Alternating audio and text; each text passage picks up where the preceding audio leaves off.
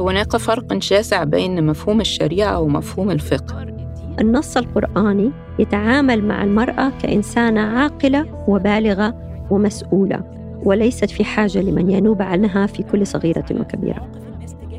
الحاجة دي بتتلزق في الدين بينما الدين مش بيقول كده وكلنا عارفين إن الاجتهاد جزء أصيل في الدين ولازم دايما يبقى في نوع من أنواع الانفتاح ودراسة الواقع لاعتباره مكون من مكونات الاجتهاد. بدل ما إحنا بنعيد تدوير أحكام فقهية قديمة هي مش مناسبة لعصرنا دلوقتي. عدم وجود قوانين أصلا لمناهضة العنف ضد المرأة دي إشكالية كبيرة جدا.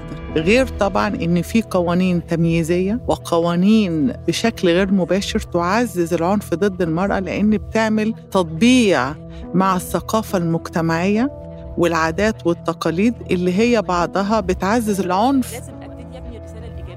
القوامون كلمة تعني الحماية والرعاية ولا تعني التسلط بأي شكل من الأشكال ومرتبطة بالدرجة الأولى بالقسط وبالعدل.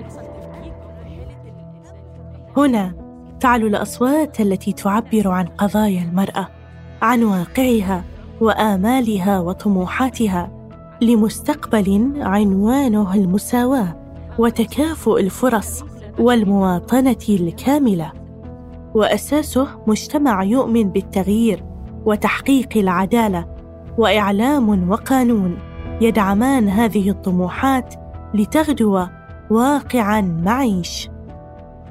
أهلا أنا فاطمة.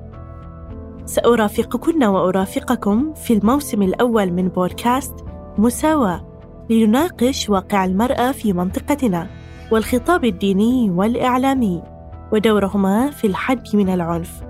والكثير من القضايا الحقوقية الأخرى. فكونوا بالقرب. كل أسبوع عبر قناة مساواة على تطبيقات البودكاست.